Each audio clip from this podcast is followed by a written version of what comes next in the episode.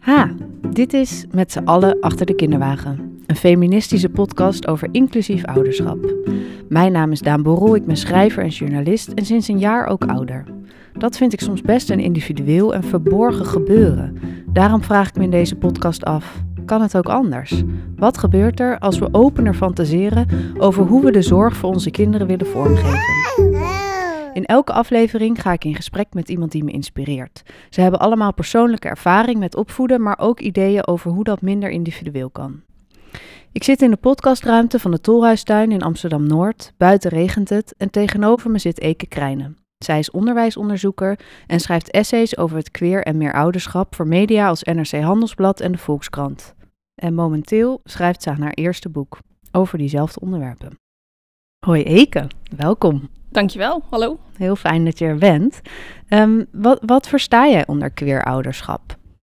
Ja, het is ook gewoon een term wat ik gebruik omdat ik nou ja, soms een hashtag nodig heb, zeg maar. Hmm. Dus um, ik versta er nu mijn gezin onder. Um, ik, ik, ik, wij hebben twee kinderen. Ik heb samen met mijn vrouw en een goede vriend. Um, en dat noem ik dan queer, omdat we allemaal... Dus mijn vrouw en ik vallen op vrouwen. Uh, onze vriend valt op mannen. Dus we zijn dan automatisch... Queer is een handige term. Dus ik gebruik het vooral gewoon om even snel iets te duiden. Ik heb er geloof ik geen hele filosofische achtergrond bij.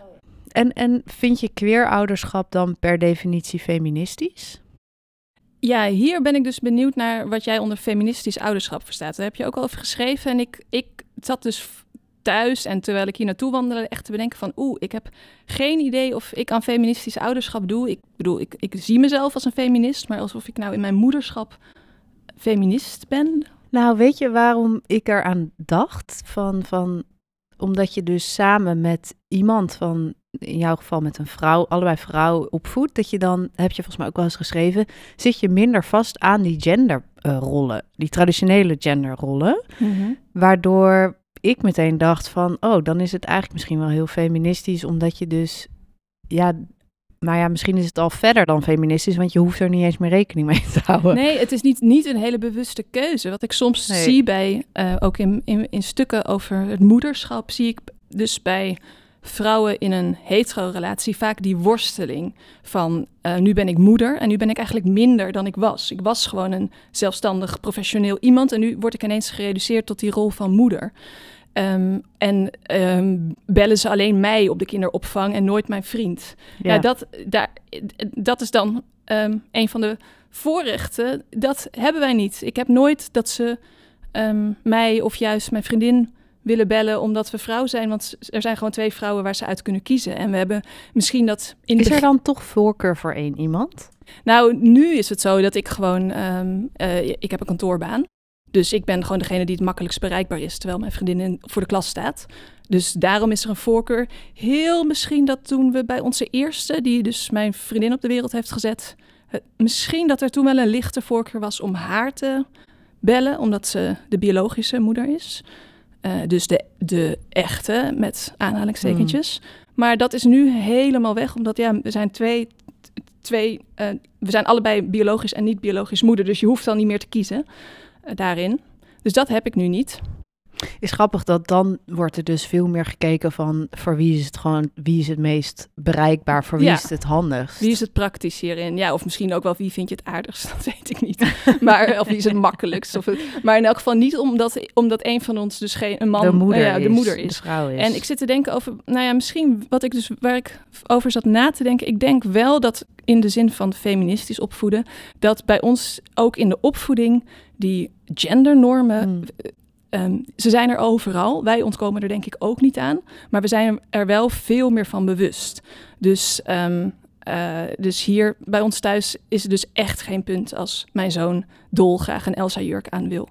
Um, en dat, nou ja, dat, dat zijn dingen waarvan ik soms wel weet dat sommige gezinnen zeggen van oh, dat, dat kan jij niet dragen, want jij bent een jongen. Hij weet helemaal niet dat jongens geen jurk dragen, bijvoorbeeld. En niet omdat we dat nou heel erg pushen, maar omdat hij, ja, hij, hij is vier en houdt ook van roze en glitter, want dat is fantastisch. Ja, het is gewoon een mooie kleur. Ja, en het, ja, het is fel en zo. Ja. Dus ik denk dat in die zin um, zijn sommige dingen wel vrijer. Um, maar dat is, ja, Ja, ik zit nu te denken, want inderdaad, ik heb er een keer een, stuk over geschreven uh, voor de trouw, over wat dan feministisch uh, ouderschap is. En toen zei je net fase ook van, nou, je moet dus, dat gaat erover dat je zorg en werk gelijk verdeelt.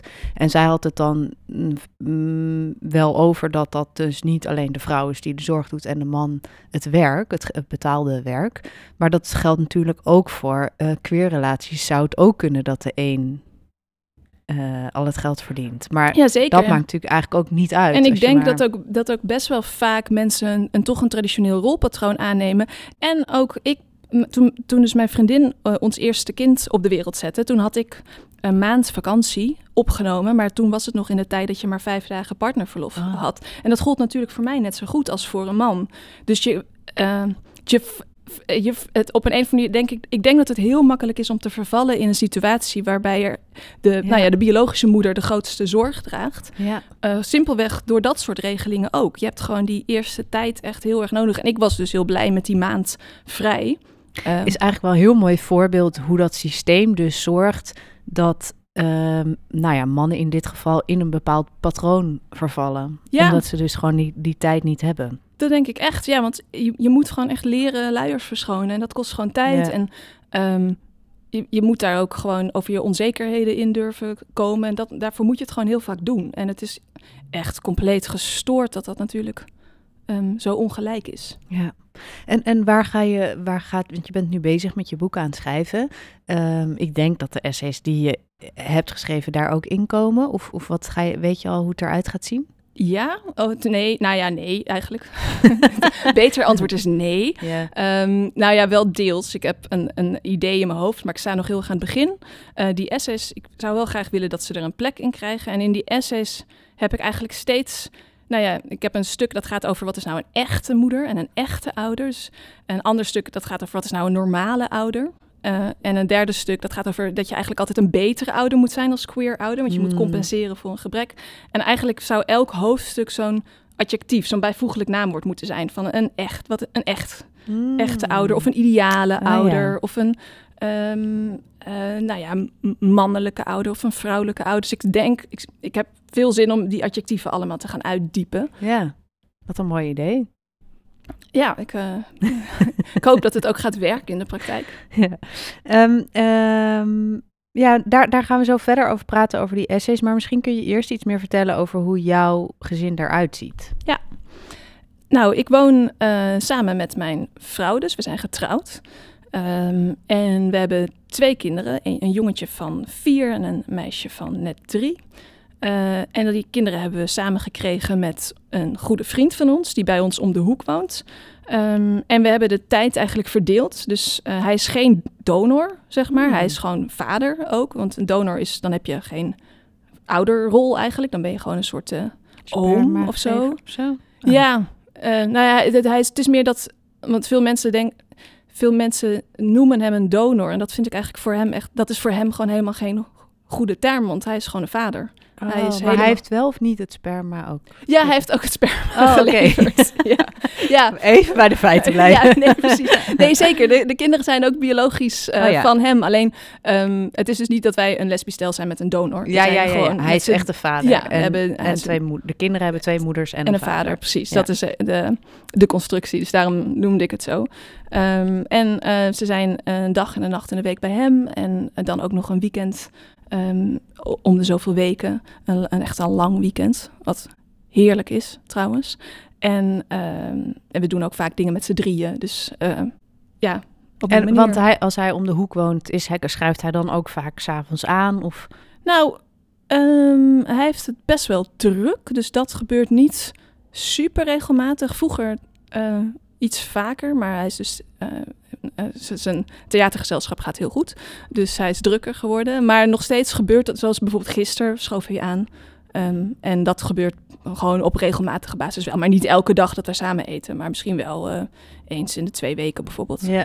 En hoe zit het dan met opa's en oma's? Hebben de, dan ja, hebben iedereen zes opa's en oma's? Ja. Uh, dat... Of zijn er ook nog gescheiden? Want dan heb je natuurlijk weer Nou, ze hebben dus um, mijn ouders. Dat zijn een, een opa en oma. De ouders van mijn vrouw. Dat zijn er ook twee.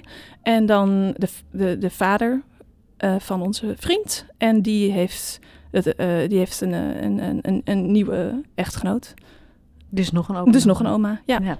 Eh, en en hoe, hoe is dit idee ontstaan voor deze familie? Of is dat een gek vraag? Nee, ik zit er even over na te denken. Het is helemaal geen gekke vraag. Nee, ja, ik wilde wel kinderen. Eh, en Timo wilde, dus de, dus de vriend Timo wilde ook graag kinderen. Ehm, en ik ken hem langer dan ik mijn, mijn vrouw ken.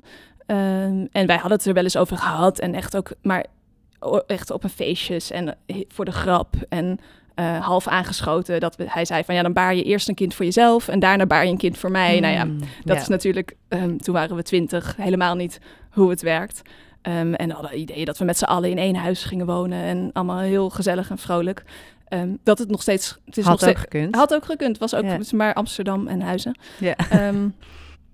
Eh, maar toen leerde ik mijn vrouw kennen. Die wilde nog veel grager kinderen dan ik. Dus toen moesten we, of tenminste toen werd het serieuzer. Omdat ik dacht, nou, komt wel, komt wel. En dan hoef je er eigenlijk niet echt over na te denken heel lang. Maar eh, nu, nu wel. Dus toen zijn we serieus hierover gaan praten. En ehm, met elkaar een keer, volgens mij, eh, ja, een keer echt serieus gaan eten. Van nu gaan we het hierover hebben. Ehm, en toen dat was spannend, omdat het had ook gekund natuurlijk. Want hij, Timo was echt onze ideale vader voor deze hele... Ik, ik wil ook eigenlijk... Wilde Want ook- jullie wilden ook wel echt een vader in plaats van een donor. nou, ik had er niet echt over nagedacht, maar ik wilde heel graag Timo als vader van mijn kinderen. Dus misschien is dat wel vergelijkbaar met wanneer je gewoon ehm, op een man valt. Ehm, dan wil je misschien ook die persoon als vader van je kinderen. En dat had ik bij hem wel ook. Dus eh, misschien dat als er geen Timo was geweest, dat ik dan wel een donor had gewild. Ja. Maar Maar had jouw vriendin dat dan ook? Ja. Ja, zou een Ja. beetje erg zijn voor Timo als hij dat dan nu hoort. nee, nee, dat had zij, had zij zeker ook, ja. ja. Dus, ehm, dus in die zin was het een. eh, En hoe gaat, hoe gaat dat dan verder? Want dan heb je dus een keer met z'n drieën gegeten en jullie kennen elkaar al heel lang, dus dat is natuurlijk dan niet zo. eh, zit dan, lijkt me niet zo'n heel vreemde eh, situatie omheen, maar het is natuurlijk wel een heel spannend onderwerp. Nou, wat vooral heel spannend was, was willen we eigenlijk wel hetzelfde? Wat nou Hmm. als, als Timo had gezegd van ja, maar ik wil echt de kinderen bijna fulltime bij me in huis. En dat jullie af en toe op bezoek mogen komen. Dat is een, nou ja, dat is ook zo'n gekke man-vrouw verhouding, maar dat is vrij ongebruikelijk. Ja. Ook in onze gezinsconstructies. Het is, maar dat wilde hij gelukkig ook niet, want wij willen de kinderen ook best veel, zeg Ja. maar.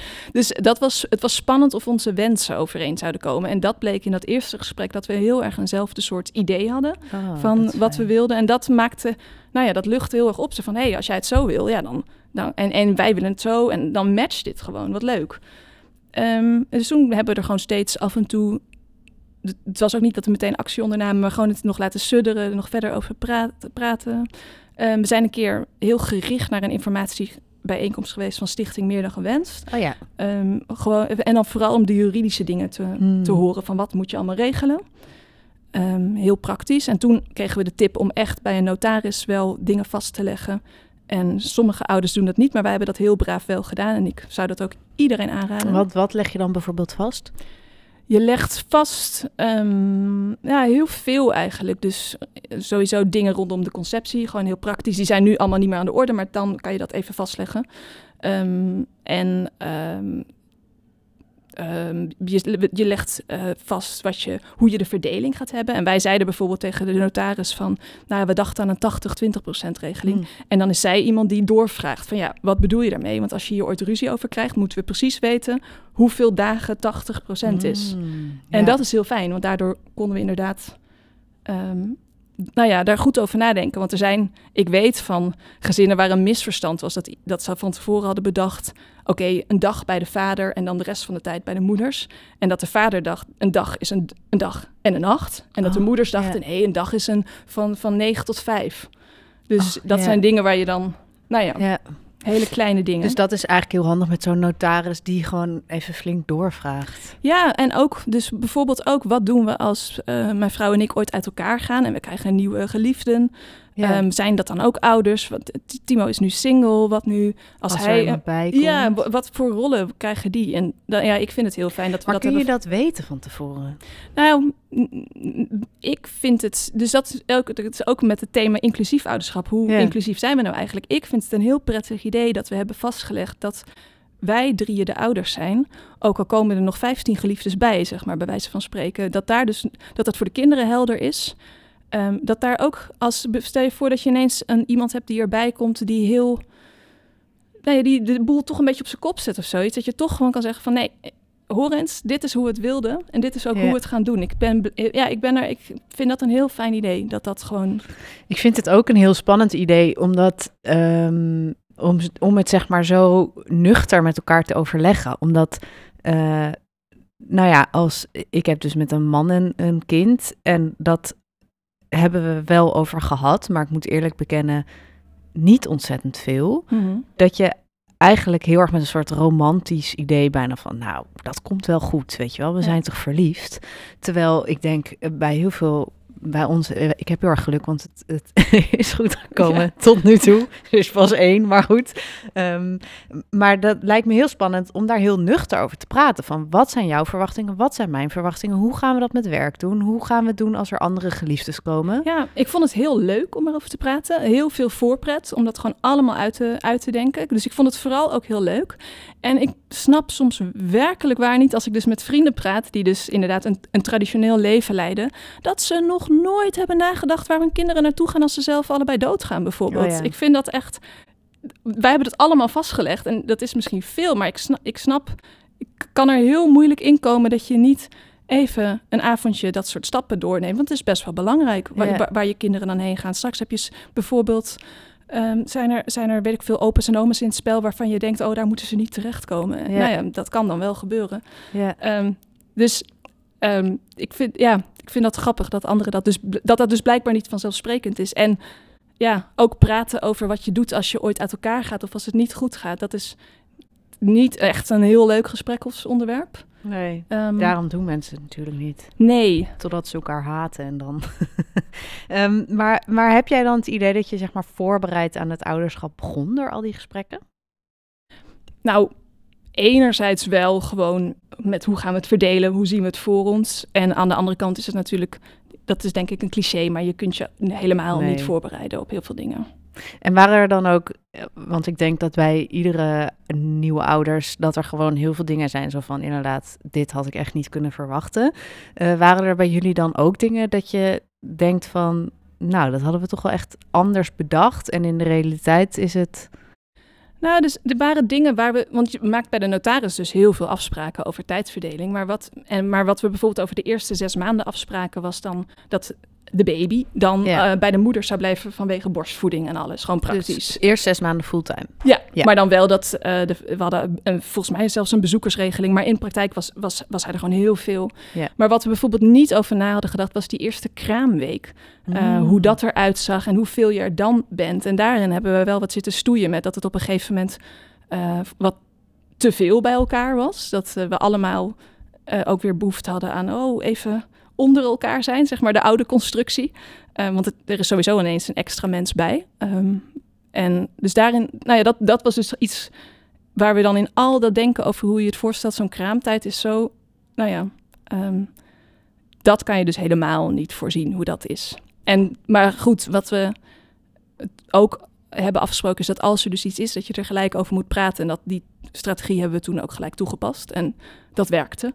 Ehm, dus dat is dan hoe je het oplost ook weer. Het was Ja. ook geen groot drama, maar wel echt iets wat we even niet hadden bedacht. Van, oh, het is nu te veel tijd bij elkaar doorgebracht. Maar je bedoelt met z'n drieën plus kind dus? ja, precies. Terwijl eh, mijn vrouw en ik natuurlijk gewoon meestal met z'n tweeën Ja. zijn. En dan, dus, dus niet zo, weet je wel, bijna 24-7 samen. Ja. Ja, en gewoon wat wij heel erg, eh, want wij hebben dus twee huizen. En eh, ik had wel bedacht, de eerste drie maanden gaan we dan in één huis zitten. En dan vuren we dat andere. En dan daarna ga ik lekker met die baby heen en weer. En dan wandelen daarheen. En dan lekker daar zijn. Nou, daar is, ik denk dat ik dat gewoon geen één keer heb gedaan. Omdat je bent gewoon al lang blij als je een keer naar de etels kan, fatsoenlijk. Ja. En eh, je kan douchen. Ja, Je gewoon- douchen, je- inderdaad. je kan gewoon niet voorstellen hoe krankzinnig die eerste maanden zijn. En hoe was dat dan? Want ehm, bij ons duurde het dus ook langer voordat eh, we dus eh, de een zeg maar echt ging slapen op die andere plek. Mhm. En nog steeds, ik had veel meer verwacht zo van, nou, dan ga ik daar drie nachten heen en dan hij drie nachten. Valt eigenlijk zeg maar ook een beetje tegen. En nu vind ik juist dat ik dat moet doen. Zo van, hé, maar je hebt toch dat huis, dan moet je dat toch... Maar waarom moet je dat dan doen? Ja, Oh, dat is dat, zit is dat omdat je idee. feministisch moet opvoeden? Want is ook, of, of is het ook wel Nou, lekker gewoon met z'n tweeën Nee, meer zo... Ja, dat sowieso. En ik vind het heel fijn om bij haar te zijn en ook met z'n drieën te zijn. Dus ik denk ook, dat is voor mij heel erg een shock geweest. Zo van, oh mijn god, deze intimiteit is ook zo fijn. Mhm. En die zo met z'n drieën. Maar ook ehm, gewoon logistiek. Dat soort dingen. En ik vind dan dat ik denk, ja, we hebben hiervoor gekozen. We moeten het helemaal uitbuiten, snap je? De situatie. Maar, maar ehm, even kijken, dus jij zei die kraamtijd was wel van, oh ja, daar hadden we niet zo rekening mee gehouden. Maar voor de rest, hoe was het dan bijvoorbeeld toen zij dus jouw eerste kind na zes maanden bij de vader ging slapen?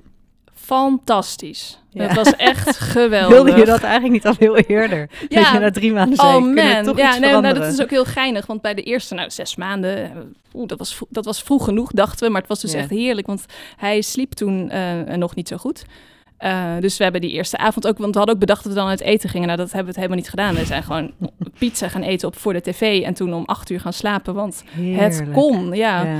En bij de tweede hadden we ook, nou, het stond gewoon in het contract zes maanden. Eh, maar die tweede sliep nog veel slechter. Die sliep ook overdag niet, eh, behalve als je haar eh, op je vastplakte, zeg maar. Ehm, dus toen nou, was het al na vier maanden van, hey, een hele nacht, toch? Nu? Ja. Dus dat was, ja, dat is heel, was eigenlijk alleen maar heel erg fijn. En, want mensen, dat is ook een hele grappige vraag die ik heel vaak krijg van, vond je dat niet heel moeilijk? Dat is toch het heerlijkste wat er bestaat. Ja, ik vond het helemaal niet heel moeilijk. Het zou iets anders zijn als we het naar een oppas hadden moeten doen. Of een Mm. night nanny of Ja, zoiets. ja. Maar we sturen het kind gewoon Maar naar hoe de was vader. het dan? Ja, daar kan jij, ik weet niet of je daar antwoord op kan geven, maar hoe was dat dan voor hem? Want, maar hij was natuurlijk dus wel vaak bij jullie thuis. Hij kreeg natuurlijk ook niet een vreemde baby in één keer. Nee, hij kende de kinderen, beide kinderen echt super goed voordat hij voor het eerst een, een, een, eh, een Nacht nacht, had. Want hij kwam gewoon heel vaak langs en ook wel eens al een dagdeel dat hij, of gewoon of soms langer, ook met volgens mij na drie maanden moet, we- moet je werken weer, toch? Als, eh, als barende, zeg ja, maar. ja, ja. Ja, dus dan had hij ook gewoon een hele werkdag met. eh, Oh ja. ja. en- maar dan haalden we ze s'avonds op. En is dat, ik heb ooit een keer eh, een gesprek gehad met een, eh, een jonge man. Die had al een kind en die adviseerde mij toch ehm, dat je wel echt een kind alleen moest nemen met je geliefde. Omdat je, ja, zijn argument was dat je zo naar een soort instinct en iets teruggaat, dat je dan wel echt die, ja, dat je al met je geliefde moeilijk kan bespreken, zeg maar. Hoe je, ja, het is dus een beetje naar, naar ik snap hem denk ik niet. nou, zijn ding was, als ik dat dus nu zijn woorden gebruik, zo van ja, er komt dan zoveel op je af als je een kind krijgt. Dat moet je al een soort van met je, met je romantische partner in sync krijgen van hoe gaan we dit doen. Eh, laat staan dat je dat nog eens moet doen met, met een vriend bijvoorbeeld die je niet eh Niet romantisch ziet. kent. Ja, Ja. maar dat, ja, dat vind ik. dit, nee, hier ben ik het natuurlijk niet mee eens. Want Ja. ik, heb, ja, ik heb ook dus kinderen met mijn geliefde. eh, maar dus ook met iemand die niet, Ja. niet mijn romantische geliefde is, maar wel een hele goede vriend. Wat Ja. is het verschil? Of is dat er helemaal niet? Nou ja, we wonen niet. In, ja, ik vind het dus een enorm voordeel dat. ehm, als wij, dus mijn, mijn vrouw en ik, als wij heel slecht slapen, dan heeft hij vijf, zes nachten heel goed geslapen. Dus als wij ehm, even niet helder denken, dan weet ik dat hij dat wel kan. Dus ehm, ja, dat, dat vind ik bijvoorbeeld een voordeel. Dus dat je elkaar niet, dat je niet bijvoorbeeld, nou ja, dus onze jongste die sliep eh, ruim een jaar lang echt heel slecht. En daar word je gewoon een beetje krankzinnig Gek van. Ja. Eh, dat, dat hij dus wel altijd, eh, nou ja, niet waanzinnig was, zeg Ja. maar. Dus Ja. dat, is, dat bijvoorbeeld vind ik heel fijn. Maar ook gewoon, ik vind, ja, het is ook heel leuk om met een goede vriend een kind te krijgen. Want ehm, het is toch, ik, ik heb wel echt die neiging om te vertellen hoe leuk mijn kinderen zijn. Eh, en dat kan je bij vrienden gewoon niet de hele tijd doen, want dat is saai. En dat, Maar bij deze vriend met deze vriend kunnen we eindeloos praten over hoe schattig ze zijn en wat ze nou weer gezegd hebben. Nou, dat is best wel, best wel leuk. Maar heb je ook wel eens dat je er niet, dat je ergens dan niet over eens bent? Ja, dat heb je natuurlijk ook met Ja, je geliefde. Maar Zeker. jullie Nee. zijn wel getraind om dan te zeggen, ik vind, ik vind dat we het op een andere manier moeten doen. Ja, nee, met, met, met, met, met eh, mijn vrouw heb ik dat natuurlijk ook. En dan spreek ik het eigenlijk gelijk uit. Dus dan zeg ik eh, gewoon, ah, ik vind dat je het zo moet doen. Of zij doet het bij mij ook. Eh, en dan heb je daar of een gesprek over, of kortsluiting, of een verschil van mening. Maar dat is er direct, zeg maar. En ik heb het ook wel eens met, met, met Timo. Eh, en dan zijn er dingen waarvan ik wik en weeg van vind ik dit de moeite waard om echt te bespreken. En soms is dat ook. ehm, nou ja, we doen dat dus uiteindelijk wel. En hij heeft, het, hij heeft het omgekeerd bij ons beiden ook. Dat hij denkt van ja, ik pak dit echt anders aan. En soms komen we ook gewoon tot de conclusie van nou, in het huis van de moeders mag dit blijkbaar wel. In het huis van papa Oh ja. mag het niet. Ehm, nou ja, en soms komen we toch tot een soort eh, compromis. Dat wisselt, Ja. wisselt ook gewoon. Ja. Maar dat is, gaat dus iets rationeler. Dat Ik, ik, ik, ik wil heel graag ook het met hem goed houden. En ik ehm, wil bijvoorbeeld niet hem op de... Hem, zeg maar zeggen, je moet het zo doen. ja, ja. en, de- en, want dit, ik, dit is ook waarvoor we gekozen hebben. Dus ik kan dat. Ik, misschien wil ik het wel, eigenlijk. Ik wil natuurlijk liefst dat iedereen dingen doet zoals ik het doe. Maar ehm, ik heb ervoor gekozen dat we juist dus met z'n drieën dit doen. Dus Ja. ik, ik moet daar voorzichtig in zijn. Kost dat veel energie? Soms wel, ja. Dat is precies een van die dingen die eh, veel communicatie vergen. En, ehm, maar ik weet niet zeker, want dan zeggen Maar- mensen van het is moeilijker met drie ouders. Maar ik weet dus niet zeker of het moeilijker is. Want ik denk Nou ook ja, dat je dit met denk- twee ouders hebt. Ja, en ik denk eh, training baart kunst, toch? Dus als je het veel doet, wordt het makkelijker. En ik vond bijvoorbeeld, eh, ik vond een oude opinie van jou in de trouw. En daarin eh, schrijf je ook dat er ehm, minder vechtscheidingen zijn tussen queer ouders of meer ouderschap, omdat je dus eigenlijk zoveel praat met elkaar. Ja, volgens mij zeg ik niet dat ze er minder zijn, maar ik verwacht dat ze er minder, minder zijn, zijn. Omdat je, als je dus, nou ja, zo, je, hebt, je hebt natuurlijk ooit die staatscommissie herijking ouderschap gehad. Die, Ja. die heeft geadviseerd dat meer ouderschap mogelijk moet zijn. En op de manier waarop zij het adviseren is ook dat je dus vooraf een ouderschapsplan maakt en dat door een rechter laat toetsen. Dat Ja. is best wel extreem eigenlijk, want iedereen kan kinderen krijgen, maar dit zou je dan bij meer ouderschaps moeten doen. Nou, maar dat lijkt me goed. Maar als je Ja. dat dus doet, dan heb je dus een hele voortraject gehad waarbij je over allemaal keuzes nadenkt. En ik denk echt dat praten over wat doen we als wij uit elkaar gaan, waar gaan de kinderen dan wonen, ehm, dat dat. eh, dat dat echt wel kan zorgen voor dat je voor minder verras- verrassingen komt te staan. Dus dat een vechtscheiding, dat is scheidingen komen natuurlijk wel voor, maar dat een vechtscheiding, ja, dat kan nog steeds voorkomen. Ik weet ook wel van meer oude gezinnen waar het, waar het naar is geworden. Dus het is niet Mm. dat het niet bestaat, net zoals het ook bestaat in traditionele gezinnen. Ehm, maar ik kan me wel, ik denk, ik vermoed wel dat dit soort, eh, dit soort gesprekken en nou ja, zo gewend zijn om te communiceren ervoor zorgt dat je minder gauw conflict hebt. Ja, dat was overigens. eh, je hebt toen twee opinies geschreven voor de trouw. Nou, dat echt, dat was in 2018. En toen ik het las, waar dat dan reacties op waren, dat had iemand een. Een, iemand voor de, eh, die was een wetenschapper in Ja. adoptie of zo. En die had dan gezegd dat als meer als queerouders of regenbooggezinnen dan eh, een kind wilden, dat dat behoefte aan consum, consumptiebehoefte. Ja, dat is Ren- René Hoksbergen. Dat is een, eh, Consumptiebehoefte. ja. En bij hetero's is het Is het een wens? Ja, is het natuur en is het een wens? Nee, dat is heel, eh, heel stuitend. Eh, nee, deze, er zijn twee hoogleraren. ehm, die schrijven, die, die, die, nee, eentje is volgens mij al in de tachtig en de ander ehm, is, is ook met pensioen. Maar die schrijven eens in zoveel tijd een opiniestuk zeer tegen eigenlijk dus die queer ouderschap. worden. Ja. misschien. Ja, en ze, maar ze, het is ook een soort zo'n cirkel. Hè? Eh, Dat als je eenmaal iets over dit onderwerp hebt gezegd, dat een journalist dan maar die pakt. Ja, Zoals ik gelukkig nu ook wel benaderd word. Daar ben ik dan wel blij mee. Ehm, maar die, die zijn. Nee, en dat vind ik ook dus ook dus een, een andere hoogleraar die. eh, Die poneert de hele tijd het argument van dat er dan wel tot meer conflict zal komen. Dat is gebaseerd op een onderbuikgevoel. Dat is Hmm. helemaal, dat is, daar is helemaal geen bewijs voor. En het, het stomme is ook nog dat het dubbel niet klopt. Want het is en niet bewezen. Maar het is ook nog eens zo dat als er nou wel conflict is, dat je het dan juist heel goed geregeld wil hebben.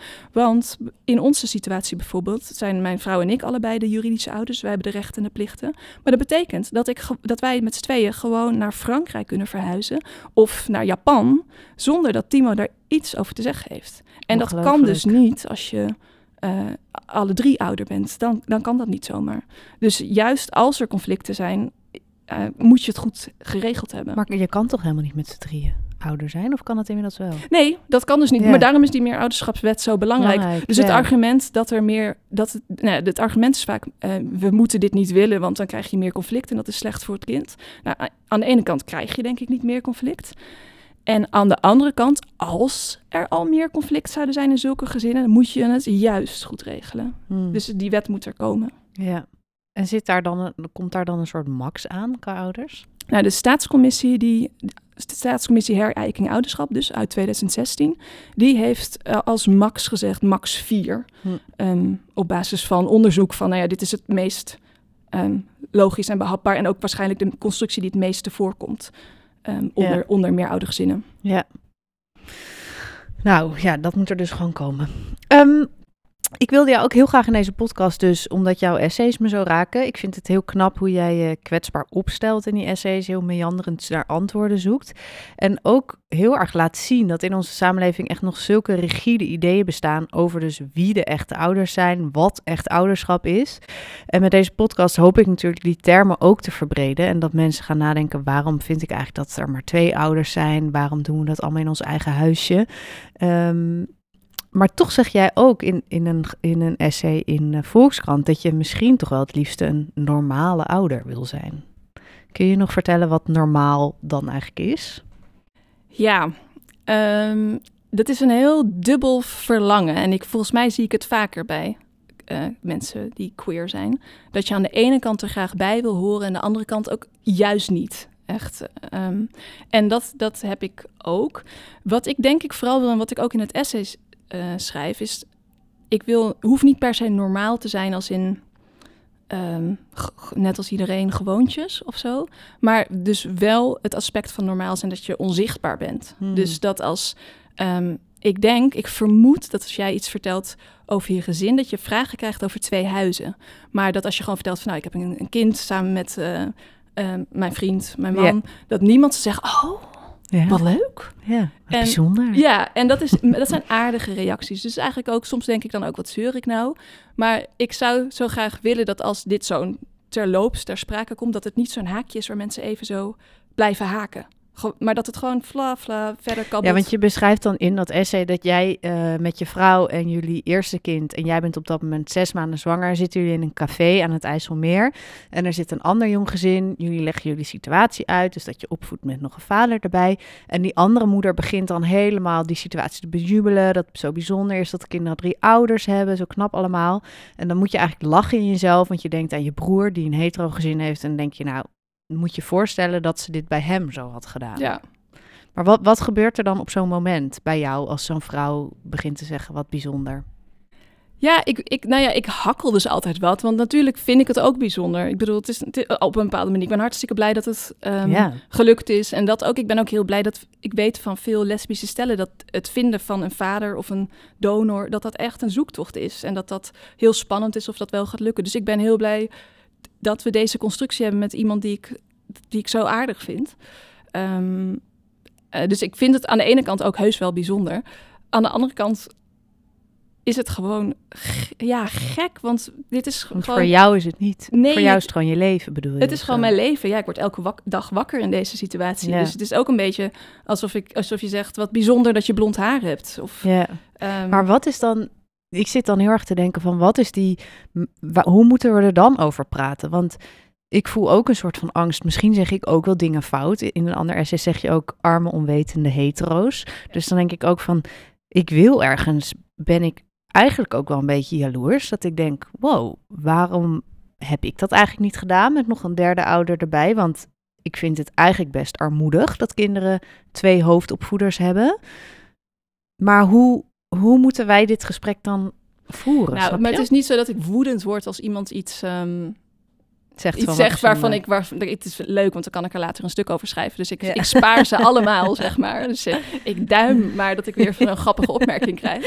Ja. Um, uh, en ik weet ook, ik weet ook dat, dat ik, nou ja, ik weet ook dat het nou eenmaal dus toch afwijkend is. Want uh, dat, dat, is nou, dat is nou eenmaal wat het is.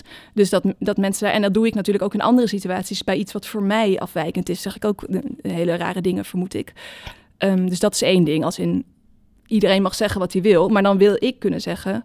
Um, dat ik iets irritant vind, ja. zonder dat iemand daar ongemakkelijk van wordt. Ik heb een, iemand heeft ooit tegen mij gezegd van, um, over, dat ging dan over de vraag, uh, nou ja, hoe het kind verwekt is. Of um, waarom, we, waarom niet één de beide kinderen heeft gebaard. Daarover zei tegen iemand, tegen mij... ja, ik vind dat je dat gewoon moet kunnen vragen. Want het is, ja, het is anders. En dan wil je dat toch weten hoe dat zit. En ik vind dat je daar gewoon een gesprek over moet kunnen voeren. En daar ben ik heel dubbel in. Want ik vind best dat je gesprekken kan voeren op gelijkwaardige voet. Van, goh, hoe ziet het er bij jullie thuis uit? Maar de vragen, de, met name de vrijpostige vragen... omdat we afwijken, heb heb ik, omdat jullie recht. afwijken, heb ik recht op deze informatie. Net zoals dat toen ik net uit de kast kwam, mensen me ook veel vragen gingen stellen over mijn seksleven. Uh, want jij doet het anders, dus vertel, zeg maar. Ja. Um, dat, nou ja, dat, vind, dat is gewoon een hele gek mechanisme. Dat, en dan, vroeger vond ik dat, ik, ik train mezelf om dan het ongemak er maar te laten zijn. En te zeggen, dat vind ik gek of dat vind ik raar. Maar dat is heel moeilijk. En soms, ja, geef ik toch maar weer gewoon antwoord. Ja. Want dat is dan even makkelijker. Maar dat is inderdaad wel wat je zegt. Dus degene die het anders doet, die moet zich constant verantwoorden ja, eigenlijk. Je moet het uitleggen, ja. Terwijl tegelijkertijd zeg jij ook van er is een queercultuur nodig van ouderschap. Dat betekent dat daar die voorbeelden, dat we die moeten zien. Dus dat we erover moeten praten. Want als je het niet weet, dan weet je, ik sprak gisteravond met een uh, vrouw, uh, lesbisch, die een lesbische relatie heeft en die was zwanger. En zij waren hier in Amsterdam-Noord uh, het gaan aangeven. En toen vroeg de ambtenaar ook van, en wie is de moeder? En toen gingen, zeiden ze allebei van, nou, allebei. Heel ja, herkenbaar. Maar wie is de echte moeder? En toen zei, toen zei hij ook van, sorry, maar uh, ik heb gewoon niet, dit komt gewoon niet zo vaak voor, maar één keer per jaar. Ja. dat terwijl zij ook zei, huh, Amsterdam. Dat is grappig. Misschien heb ik dezelfde gemeenteambtenaar gehad. Trouwens. Die zei het ik, ook. Ik herken precies deze situatie en ook met echte moeder en zich vervolgens ver, verontschuldigen. Ja. Maar ik denk, er kan best eventjes gewoon, nou, dit is, hoeft niet eens een hele training, maar gewoon een nood. Je, heb je een lesbisch stel? Vraag naar de yeah. biologische moeder. In of plaats gewoon van... wie is er zwanger? Ja. Maar maar zij zei ook van ja, op zo'n moment wil ik eigenlijk ook, ik word ook niet boos, want iemand doet wel zijn best. Dus ik denk ook van inderdaad, we moet, aan de andere kant moeten, we het, moeten er wel mensen zijn zoals jij, die vertellen hoe het zit. Want dan maak, worden die ongemakkelijke fouten niet meer gemaakt. Nee, precies. Ik denk ook dat het dat het goed is om erover te vragen. Het praten in een ideale samenleving hoeft dat dus niet meer. Of, ja. en, en ook, ik heb niet altijd zin om met, als ik bijvoorbeeld gewoon iets anders doe. Kijk, nu praten we hierover. Dus nu, wil ik, nu, nu, nu is het, het, het thema. En als ik een stuk schrijf in de krant, is dat ook een thema. Maar als ik gewoon Um, ja. dus uh, bij de zandbak met mijn kinderen zit, ja. dan heb ik niet zo heel veel zin om even iemand te moeten uitleggen wat, dat, dat, dat we dus inderdaad allebei echte moeders zijn, bijvoorbeeld. dat vind ik, vind ik gewoon. En um, ik zit te denken, want het is op zich, je zou kunnen denken, nou, het is, mensen zijn ontwetend, dus waarom zou je het ze niet uitleggen? Maar het is toch pijnlijk. En dat, ik, dat vind ik bij mezelf zo gek. Ik weet dat mensen het niet kwaad bedoelen. En, en wat is er dan pijnlijk? Nou, het doet me gewoon elke keer verdriet als iemand uh, suggereert door zo'n vraag dat ik van mijn oudste zoon, die zo echt mijn zoon is, uh, dat hij toch ergens suggereert dat ik niet zijn echte, echte moeder ben. Ook al bedoelt iemand dat eigenlijk niet zo, maar het doet me elke keer opnieuw mm. pijn. En het maakt me elke keer opnieuw verdrietig. Um, en dat is misschien ook, nou ja, een, dat, ik weet wel dat ik dat ben. En het is ook heel, het is heel gek, want het, het is dan zo scheef dat ik het zo helder voel dat ik het wel ben. Um, maar dat elke keer toch weer even geprikt wordt van nee, nee, dat klopt niet helemaal. Maar wat zit daar dan achter? Dat mensen dat nog steeds dus niet als echt moederschap zien of ouderschap. Ja, ik vind het fascinerend, maar er is iets met dus dat wat we natuurlijk noemen, uh, dat zo overheersend is. Dus dat biologische um, is zo belangrijk in um, hoe we denken over ouderschap. En dat is ook wel fascinerend. Nou, we hebben kort gemaild over wat jij geschreven hebt over ja. intrarelationele eiceldonatie. Dus het verschijnsel waarbij uh, een, een, in een lesbisch stel een, de ene vrouw haar eicel doneert aan de andere vrouw.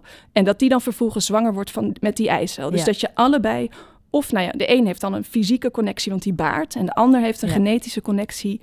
Um, want die, uh, die is dan biologisch verwant. Ja, je bent dus eigenlijk zwanger van de eicel van je vrouw. Geliefde, ja. ja. En ik vind dat dus ook een heel fascinerend verschijnsel. Want het is dus medisch best wel complex. Er zijn hele grote risico's. Um, of gewoon meer risico's. Uh, en um, mensen willen dat dus omdat ze toch dat, dat fysieke uh, willen verzekeren. Ja, bang en, zijn dat er anders geen relatie is. Of zo. Ja, bang zijn dat er anders geen relatie is. En dat, um, nou ja, dat is denk ik echt iets vanuit de maatschappij wat zo in je wordt gelegd. Ook een echte moeder is, uh, een echte moeder is dus biologisch verwant. Ja, ik, ik, ik blijf doorpraten over dit thema. Ja, ja. Uh, blijf vooral, ja, ja, ik aan je, lippen. heel toevallig die nieuwste film van Pedro Almodovar gezien. Nee. Um, maar, ja, ik spreek geen Spaans, maar Madres Paralelas. Hm. Nou, een compleet waanzinnige verhaallijn. Dat is heel fascinerend en intrigerend. Maar er zit in elk geval iets in met uh, twee vrouwen waar een, baby verwisseld wordt in het ziekenhuis. Um, maar ze worden vriendinnen, ze worden zelfs geliefden. Um, het, het, het, het, ene kind sterft. Anyways, later komt uit dat de baby's dus verwisseld zijn. En dan ah. is het in de film is het eigenlijk gewoon van... oh, maar dan, hé, hey, hier is je echte moeder. Je, gaat terug. Um, en die andere moeder die dus het kind ge geborstvoed. Ja, en het was in het eerste levensjaar. Dus het kind was nog klein, maar het, ja. het hele eerste levensjaar zo intensief. Die, nou, die, die is even heeft ze even verdrietig, maar accepteert het ook gewoon. En dat wordt dus gewoon helemaal van, nou ja, toch een beetje eindgoed, al goed. Die ene is gewoon een soort tante geworden, de andere, en het, het kind is weer terug bij haar echte moeder. Um, en de film gaat er eigenlijk niet echt over. Maar ik vond het dus heel fascinerend hoe dat zo uh, vanzelfsprekend in die hele film werd. Uh, dat, dat, helemaal geen, dat was dus helemaal geen verhaallijn. Terwijl ik, nou ja, als niet werd zo aangenomen. Het werd zo aangenomen en dat het dan ook beter is. Terwijl als niet-biologische moeder vond ik dat heel pijnlijk. Dat ik dacht, nou ja, zo is dat toch niet als je een kind zo lang... Maar, en zijn er vaker dit soort uh, dingen in films of series of boeken... dat je denkt, oh, het, uh, het idee wordt bevestigd van... alleen als je het kind baart, dan uh, ben je de echte moeder? Ja, ik weet niet of het, of het zo ja, dat is eigenlijk een goede vraag. Ik weet wel dat ik dus uh, in Alleen op de Wereld zit natuurlijk ook zoiets. Van, uh... Nou, en je haalt, ik denk nu aan dat essay waar je hier dus over schrijft, haal je ook het boek van uh, Saskia de Koster, Koster Nachtouders mhm. aan, waarin zij zit eigenlijk, of het hoofdpersonage van het boek zit in die situatie, toch? Dat mhm. zij dus de niet, zij heeft het kind niet gedragen. Um, en dat vond je bijna met je tegenvallen, toch? Ja, niet ik, het boek aan zich, maar wel nee, ik, ik, had, ik had geen plek in de, in de lijn in mijn stuk toen om ook nog ergens op te schrijven dat ik het bij tweede lezing dus echt een fantastisch boek vond. Maar de eerste keer had ik een hele heftige reactie erop. Dat ik het las en echt dacht, ja, hallo, dit hebben we niet nodig. Want zij is inderdaad, uh, de hoofdpersoon in het boek, is heel onzeker en um, schrijft eigenlijk al die heteronormatieve oordelen op. Van nou, ik zal wel geen natuurlijke moeder zijn, daarom voel ik deze band niet, daarom moet ik kokhalzen als ik mijn kleintje verschoon. Dus allemaal dingen onder elkaar. Uh, of de, door het hele boek heen, waaruit blijkt dat zij wel niet zo'n goede moeder zal zijn als haar vriendin, uh, die het kind gebaard heeft. En eigenlijk dus ook misschien wel jouw angst, omdat iedereen daar de hele tijd over zat. Uh Precies. Ja, en ik heb dus over dat. Want en er zit wel een wending in het boek dat je ziet dat ze dus wel naderder tot het kind komt. Maar wat, wat ik zo fascinerend vond, ook aan, mijn, aan hoe ik op het boek reageerde, is. Want ik wil dus juist. Ik, het is oneerlijk als je van queer ouders verwacht dat ze, uh, dat ze alleen maar. Als je van queer ouders verwacht dat ze alleen maar sterke verhalen schrijven over hmm. zichzelf. Terwijl elke ouder, denk ik, twijfelt wel eens. Tenminste, dat neem ik aan. Dus uh, ja, een, een, een niet-biologische moeder net zo goed. En die moet dat ook kunnen etaleren. En uh, die moet ook al die gedachten zo van... oh, maar dat komt misschien omdat ik niet genoeg uh, connectie met hem heb... moet je ook gewoon kunnen beschrijven. Ja. Terwijl jij dat eigenlijk, jij hoopte misschien ja, dat er een soort voorbeeld was die dat dan niet had. Nee, ik had dus een, een hele onrealistische hoge verwachting van het boek. Dat dan dus een heel goed beeld zou geven van van, van een niet-biologische moeder. Maar wat ik, wat ik, wat ik, um, er zijn, wat ik leuk vind, als ik vind het. Ik, ik denk dat iedereen te maken heeft met dit soort geïnternaliseerde heteronormatieve ideeën. Maar wat ik heel storend vind in um, literatuur en in films, als, die, als daar geen reflectie over is. Hmm. Dus het moet schuren en het moet wrijven. Dus ik vind het fijn als je. Um, ik vind het ik vind het interessant wanneer je die heteronormatieve ideeën ziet. Of dat eigen misschien minderwaardigheidscomplex. Of misschien soms zelfs de zelfhaat. Maar ik vind het heel moeilijk als er geen reflectie over zit. Dus als je niet um, ergens... Als je niet leest, het is zelfhaat. Of ja, of je niet ergens ook zo'n idee krijgt van... er zit iets structureels achter. Of, hmm. um, dat, dat... Dus dat het persoonlijke ook wordt gelinkt aan het systeem, om het maar ja, ik vind, of, het, het hoeft denk ik niet zo letterlijk opgeschreven te worden, maar ik, als, het, als het gewoon volledig wordt aangenomen van um, ik, ehm, nou ja, of Uber, ligt aan mij. Ja, of maar ook andere dingen. Over dus ook, is een beetje ouderwets, maar dat mensen praten over dat er altijd een mannetje en een vrouwtje is in een homo- of lesbische relatie. Er zijn ook homo's en, les, uh, lesbiennes die dat ook zo zien, zeg maar. Ik vind dat eh, oh, ja, ik, ik, vind dat ingewikkeld, omdat ik denk, ja, maar dat is ook opgelegd. Of, of niet. Ja, misschien ook wel niet. Want misschien willen sommige mensen dat ook graag wel. Ja. ik, ik kom er ook niet helemaal uit, want ik hoor mezelf praten en dan denk ik, ja, dan ben ik nu weer aan het oordelen over een groep die ook een minderheid is. Ja, die dat, ja dat, dat blijft lastig. Dus daarom, ergens wil je wel alleen over je eigen persoonlijke situatie praten, want dan kan je niemand anders, zeg maar, uh, veroordelen. En tegelijkertijd hangt het natuurlijk met grote dingen samen. Ehm, maar wat ik dus wel inderdaad verdrietig vind, is dat wat ik in jouw essays lees, herken ik best wel veel van die ambiguïteit eigenlijk naar je, naar je kinderen toe. Um, bijvoorbeeld, ik heb een zin uit je essay gehaald. Dan beschrijf je je relatie tot je zoon en dan zeg je: Ik denk aan hoe vertrouwd hij mij is, hoe eigen, hoe beangstigend vreemd hij mij soms voorkomt, zo helemaal van zichzelf alleen. Je kijkt dan naar hem als hij ligt te slapen. Nou, dat vind ik gewoon zo mooi opgeschreven. Dat herken ik zo goed met mijn kind dat ik ook af en toe denk: je lijkt alleen maar op je vader, je lijkt niet op mij, ben je wel? Maar ik heb natuurlijk gezien dat ze uit me kwam, dus ik weet het. En tegelijkertijd kan ik soms echt denken, uh, ik ken haar helemaal niet. Mhm. Ze is zo'n zo'n eigen mens. Maar uh, wat ik dan dus zo verdrietig dan eigenlijk vind, dat jij bijna alsof je een soort extra oordeel over jezelf hebt, omdat het dan dus niet jou, omdat je dat kind niet hebt gedragen. Dat je, dat, dat je dan dus naar jezelf oordeelt van, oh, ik ben niet ik ben dus geen goede moeder of zo. Ja, ik weet niet of ik dat doe, of zeker inmiddels niet meer. Ja, um, dus dat is wel meer, minder geworden dan? Ja, en schrijven is best therapeutisch, ja. trouwens. uh, nee, maar, maar niet dat dat nu... Nee, um, nee ik, ik denk dat ik dat dus van dat, een, dat, dat ik naar hem kijk en denk... wow, wat ben je van jezelf? Wat ben je los? Dat heb ik ook bij het kind dat ik zelf uh, uh, gedragen heb. Dus dat ik soms denk, wow, ik, je bent gewoon een heel mens en je bestaat helemaal zonder mij op deze wereld. Uh, en ook, dus, dus dat heb ik met beide. Maar ik denk wel, en dat is misschien. Um, ik, ik heb niet per se het idee dan dat ik geen goede moeder ben. Maar ik denk bijvoorbeeld wel. Ik denk dat iedere ouder wel eens onzeker is. Dus ook bijvoorbeeld. Nou ja, denk bijvoorbeeld aan zo'n klassieke scène dat je kind een, uh, ja, een scène schopt, bijvoorbeeld. En dat je dan je afvraagt hoe je het beste kunt ingrijpen. Ik denk dat ieder vader en moeder wel eens heeft gehad. Oh, gênant, dit. Ze zullen wel denken of zo. Maar ik denk dat als je dus dat ik, ik spreek voor mezelf, dat als het bij mijn zoon gebeurt, dat er altijd nog ergens iets mee rammelt in mijn hoofd. Mm. Of weet ik nu niet wat ik moet doen, omdat ik hem misschien niet genoeg aanvoel, bijvoorbeeld. En ik weet ook dat het onzin is. Want ik vond het heel bijzonder dat je in dat essay schreef dat je bijvoorbeeld bij je tweede kind zag, die jij dus gedragen hebt, dat die ook meer naar jouw vrouw. Ja, ja die is gewoon veel leuker. dat heb je juist opgelucht in plaats van nog onzekerder gemaakt. Nee, maar um, dus uh, wat wilde, want ik wilde terugkomen op wat jij net zei, nu ben ik het gewoon kwijt.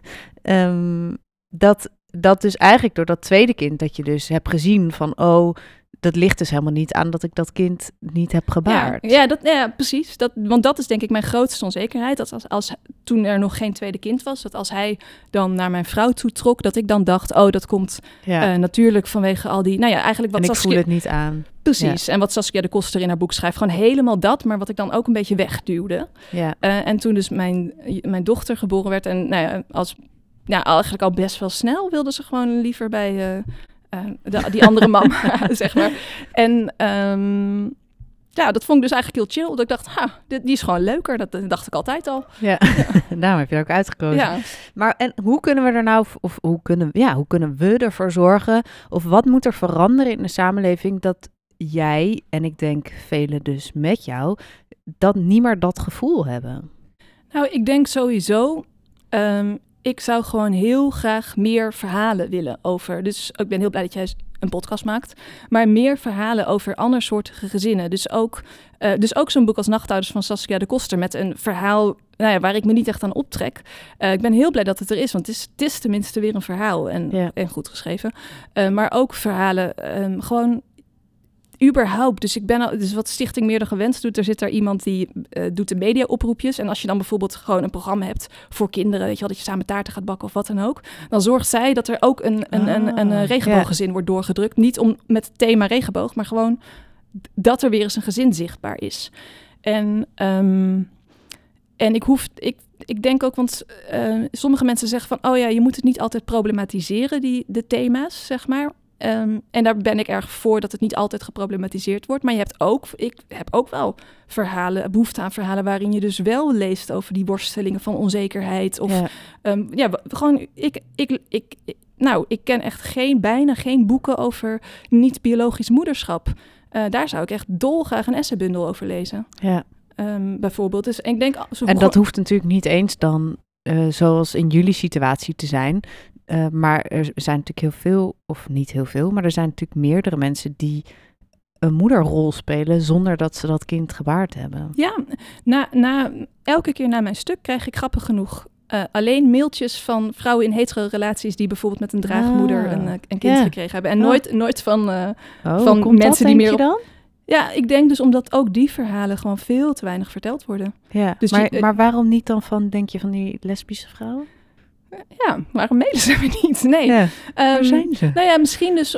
Ja, ik kan me zelfs nog. Ik, ja, misschien omdat. Omdat je dat wij, dus wij lesbische vrouwen, misschien nog, weet ik eigenlijk niet. Ik ben nu aan het speculeren, maar misschien dat je nog iets meer weet waar je je verhalen kan halen, of dat je Mm.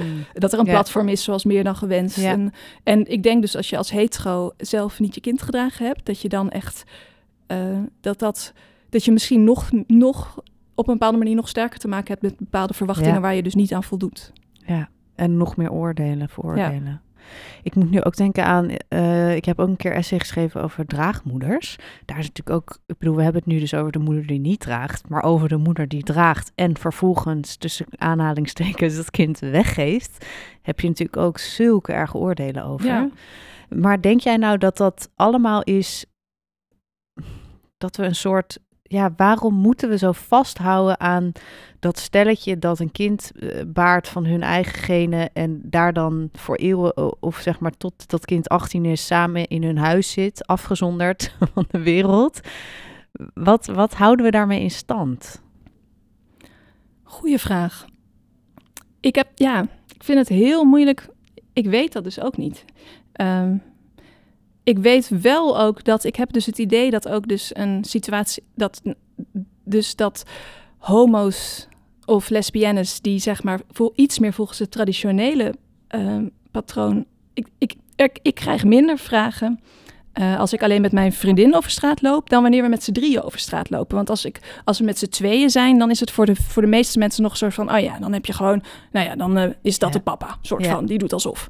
Ja. Of zo, dat is soort van he- makkelijker te bevatten dan als er nog een derde bij is. Dat is dan, ja, maar wat is dan, ja, dan heb je dus een biologische moeder en een biologische vader en dan, hè, Ja, eh, en dus er is iets met dat, met dat huis en één locatie en twee volwassenen, ehm, wat, zo, ja, wat zo cruciaal is. En ik, ja, ik, ehm, maar het is ook wel interessant, want nou ja, ik, ik sprak laatst met mijn moeder over dat, een een- dat bij ons vrienden makkelijker over de vloer komen en dus ook onze kinderen goed kennen en echt geen ouderrol hebben trouwens, maar wel een soort van kind aan huis zijn. En toen zei mijn moeder zei zoiets van ja, dat, dat had ik ook wel gewild vroeger. Hmm. Uh, maar, dat, maar dat had ik niet. En misschien ook omdat, ja, in traditionele gezinnen heb je minder gauw dat je zo makkelijk dan je leven deelt. En die snapte ik dus ook niet eigenlijk op dat moment. Nou, ik kan me wel wat voorstellen bij wat zij zegt. Ehm, ik weet niet per se tussen wie dat dan een verschil is, maar ik heb bijvoorbeeld heel erg een, eh, idee, maar ik weet dus niet of dit een voordeel is, dat bijvoorbeeld alleenstaande ouders sneller ook uitreiken naar mensen om zich heen, omdat het eigenlijk gewoon niet te doen, denk ik, niet te doen is in je eentje. En ik denk dus dat we daar als bijvoorbeeld hetero gezinnen heel veel van zouden kunnen leren. Maar zij krijgen, dit soort verhalen kom je ook bijna niet tegen, natuurlijk over alleenstaande ouders. Dus ik weet niet of dat dan ook eens zo is voor queer ouders. Of je dan sneller, ja, dat, dat weet ik dan ook niet. Maar misschien, nou, misschien wel als ik terugblik op wat jij eerder zei of eerder schreef, dat je dus als, dat je als hetero gezin meer je houdt aan bepaalde genderrollen of traditionele genderrollen, dat je dus ook wel misschien meer houdt aan het idee van we moeten dit met z'n tweeën doen en misschien mag een biologische oma helpen, maar voor de rest moeten we toch bedoel, dat, ik heb heel erg het idee dat als je om hulp vraagt, dat mensen dan zeggen zo achter je rug om van, nou, blijkbaar kan, kunnen zij het dus niet. Het is niet echt een goede moeder. Ja, die heeft het niet onder controle. Die heeft het niet helemaal onder controle. Dus ehm, ja, en er moet toch, als, ik, als we het hierover hebben, denk ik, er moet iemand baat bij hebben bij dit idee. Wie is dat nou? Ja, Van Ja, dat- die twee moet- mensen in een huis. Nou ja, daarvoor moet je, eh, ik weet niet of je daar zin in hebt, maar moet je een. eh, ehm, ik bedoel, er zijn genoeg, eh, genoeg mensen die eh, zeggen van nee, maar het gezin is voor Ja. eh, man, vrouw, kinderen. Dus misschien is dit nog een reportage waard. Ja, we moeten de straat op, Ja. Doris. Ja. Nou, ehm, ik denk, ehm, ja, heb ik, hebben we antwoord gegeven op de vraag. Ik ben natuurlijk nog wel heel nieuwsgierig. Hoe ziet de ideale wereld er dan uit op het gebied van, van families, volgens jou? Nou, heel concreet, in de ideale wereld hebben de drie ouders van mijn kinderen alle drie gelijke rechten en plichten. En dat is nu eh, nog niks, want de, want de vader van onze kinderen is helemaal niks volgens de op wet. papier? Ja. Eh, dus in da- dat moet gefixt worden. En dat is misschien op een bepaalde manier ook een hele conservatieve wens, dat je het zo moet vastleggen. Maar dat is, er is gewoon ongelijkheid eh, daarin. Dus dat is. ehm, Ik denk ook als je niet in die situatie zit dat je je eigenlijk niet kan voorstellen hoe belangrijk het is dat je toch op papier de ouder bent. Ja, maar het is iets, het, maar het is ook echt gewoon concreet. Ik bedoel, als hij Ja. de kinderen geld wil eh, doneren Oh, voor ja. studie, moet, moeten zij daar allemaal belasting over betalen. Terwijl als je een, een, een of op wettelijke vakantie gaat, weet ik Ja, het. is ook ingewikkeld. Dus het is, het is ook echt concrete ongelijkheden. En daarnaast is het psychologisch gewoon heel akelig om, ehm, om niet dat dat, dat dat dat niet erkend is. Dat is voor de ouder, denk ik.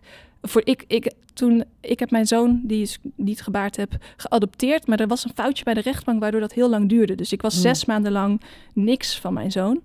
Ik vond het echt heel verdrietig of heel Hmm. onprettig. Terwijl ik was het wel. Ik was natuurlijk gewoon de Dag moeder. en nacht aanwezig. Ja, maar ehm, dus het is ook, ja, het is heel pijnlijk als dat niet goed geregeld is. En, en dat is één ding. En het andere is gewoon dat al die concrete voorbeelden waarin het ongelijk is, wanneer je geen, geen, geen, geen ouderrecht hebt. Ja, dus één concreet, die wet moet Ja. eh, zo snel mogelijk er doorheen. Ja, En voor de rest nog andere wensen? dat veel meer dingen kunnen.